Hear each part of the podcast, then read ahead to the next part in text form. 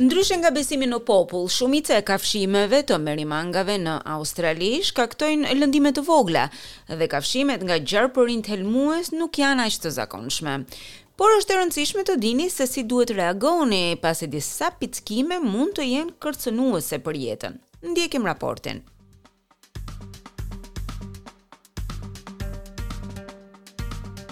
Australia ka një reputacion të frikshëm kur vjen fjala te kafshët helmuese, por kur bëhet fjalë për merimangat është përsëri një vend me fat.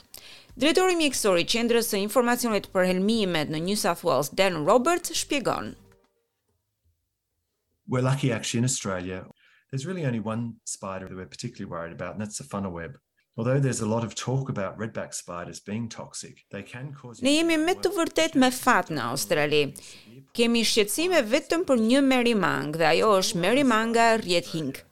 Për sa i përket merimangave kurrizkuqe, të cilat me të vërtetë janë toksike, ato mund të mos ju bëjnë të ndjeheni mirë, por shanset për të vdekur apo për t'u helmuar rëndë janë shumë të ulëta. Ndërkohë, merimangat e tjera në Australi përgjithësisht konsiderohen jotoksike ose helmuese. Megjithëse merimanga kurrizkuqe përmban helm, efektet zgjasin disa orë dhe nuk kërkojnë trajtim mjekësor. Në përgjithësi, ndihma e parë për kafshimet e merimangave është njësoj për çdo lloj merimange, përveç merimangës rrjetë-hinkë. Advice is to wash the area with some antiseptic, double check that your tetanus is up to date, and otherwise it's a matter of just watching and waiting. Pastrojeni zonën me alkool apo me jodio, kontrolloni nëse keni marrë vaksinat kundër tetanosit e më pas thjesht duhet të prisni. Nëse simptomat rëndohen, atëherë mund të paraqiteni në spital. Dhimbja në zonën lokale pas pickimit të merimangës është e zakonshme. Mjafton të vendosni kompresa të ftohta ose pako akulli, të cilat mund të qëndrojnë në zonën e pickuar për rreth pesëmbëdhjetë minuta. Këto do ta lehtësojnë dhimbjen. Shpesh pickimet e merimangave mund të jenë aq të vogla sa njerëzit nuk i ndjejnë ato deri më vonë. Doktor Roberts thotë se një gjë e tillë është shumë ndryshe nga simptomat që vijnë menjëherë pas kafshimit nga merimanga rrjetë-hinkë. Sipas tij, pickimi i kësaj merimange është shumë i dhimbshëm, ajo menjëherë injekton helm, dhe shpesh ndihen simptomat brenda tridhjetë apo gjashtëdhjetë minutash, dhimbje, rrahje zemre, djersitje, gulçim, si dhe dridhje. Pra ky lloj merimange shkakton shqetësime sepse helmimi është kërcënues për jetën, e ky kërcënim mund të ndodhë shumë shpejt. Në këto raste ka shumë nevojë që të thirret menjëherë ambulanca dhe që pacienti të paraqitet në spital. Sean Francis është mjek në degën e Queensland për Royal Flying Doctor, një shërbim jofitimprurës i transportit aeromjekësor, kujdesit shëndetësor dhe shërbimeve të urgjencës në komunitetet rurale dhe të largëta të Australisë. Linja një mijë e treqind gjashtëdhjetë e nëntë shtatëdhjetë e tetë tridhjetë e katër është pika e parë ku merren edhe këshilla shëndetësore në lidhje me kafshimet e ndryshme. Ndërkohë të gjithë pacientët në raste ekstreme drejtohen tek spitali. Aeromedical retrieval service is the service which would enable the patient to get to the care that they require and so snake bite spider Shërbimi aeromjekësor është shërbimi që i mundëson pacientëve që të marrin kujdesin për të cilin kanë nevojë. Kafshimet e gjarpërinjve, kafshimet e merimangave kërkojnë kujdes. Për shumë nga pacientët tanë, ky kujdes jepet që në momentin e ndihmës së shpejtë. Pra, ka shumë rëndësi që të bëhet një telefonatë e drejtpërdrejtë në numrin zero zero zero, të merret këshilla e parë e më pas mund të vijë edhe ndihma e parë nëpërmjet ambulancës. Kafshimet e gjarpërinjve në përgjithësi trajtohen si helmime, pavarësisht se cili gjarpër e ka shkaktuar këtë kafshim.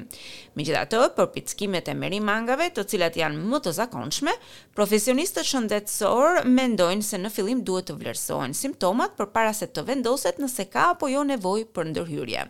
Doktor Francis shpjegon.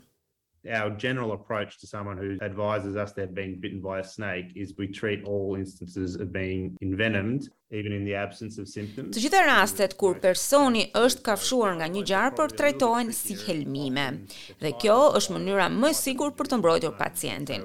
Kafshimet e merimangave janë disi më të ndërlikuara. Shpesh lloji i merimangës apo lloji i lëndimit nuk dihet. Ajo mund të jetë merimangë kurrizkuqe ose merimangë rrjetë-hinkë, apo çfarëdo lloj merimange tjetër. Shpesh pacientët vijnë tek ne dhe më thonë se jemi të shqetësuar apo na kanë kafshuar, por nuk ndihem mirë. Pra ka më shumë simptoma se sa dhimbje në vendin e kafshimit. Në ato raste kur ka simptoma të shumta, atëherë ne jemi të shqetësuar. E në këto raste ndërhyjmë dhe shkallëzojmë edhe kujdesin. Këshillat për çdo pickim nga merimangat e mëdhaja apo të zeza, të cilat mund t'i përkasin familjes së merimangave rrjetë-hinkë apo jo, trajtohen si urgjencë. Doktor Robert përshkruan edhe hapat e ndihmës së parë. What we do is we apply a pressure immobilization bandage that is tied around the bite site and then up and down, it's a bandage, it's not Ajo që vendosim është një fashë imobilizimi me presion e cila vendoset rreth vendit të kafshimit. Pra është fashë, nuk është turniket. Dhe personi duhet të qëndrojë shumë i qetë derisa të vijë ambulanca. Nëse dikush kafshohet nga një merimangë rrjetë hinkë, atëherë është mirë që ai person të mos ecë rreth e rrotull. Kjo për arsye se lëvizja mund ta përshpejtojë edhe përhapjen e helmit. Në disa zona ambulancat kanë antihelm brenda automjetit, kjo për të dhënë antihelmin sa më shpejt që të jetë e mundur. Statistikisht, kafshimet vdekjepruese të gjarpërinjve janë të rralla.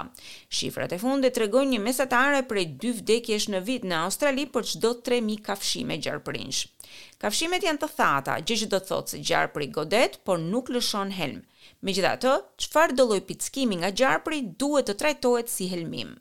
Doktor Francesk përshkruan edhe tre hapat e nevojshëm, vendosjen e një fashe të imobilizimit me presion, imobilizimi i gjymtyrës së kafshuar dhe thirrja e zero zero zero.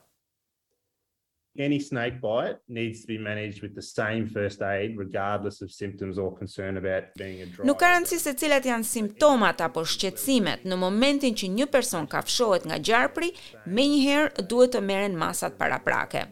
Nëse gjarpri ka kafshuar një pacient, ne thërrasim ndihmën e parë, vendosim fashën e imobilizimit e më pas japim kujdesin mjekësor. Gianni Honzokis është gjuajtës i licencuar gjarpërinjsh në Victoria.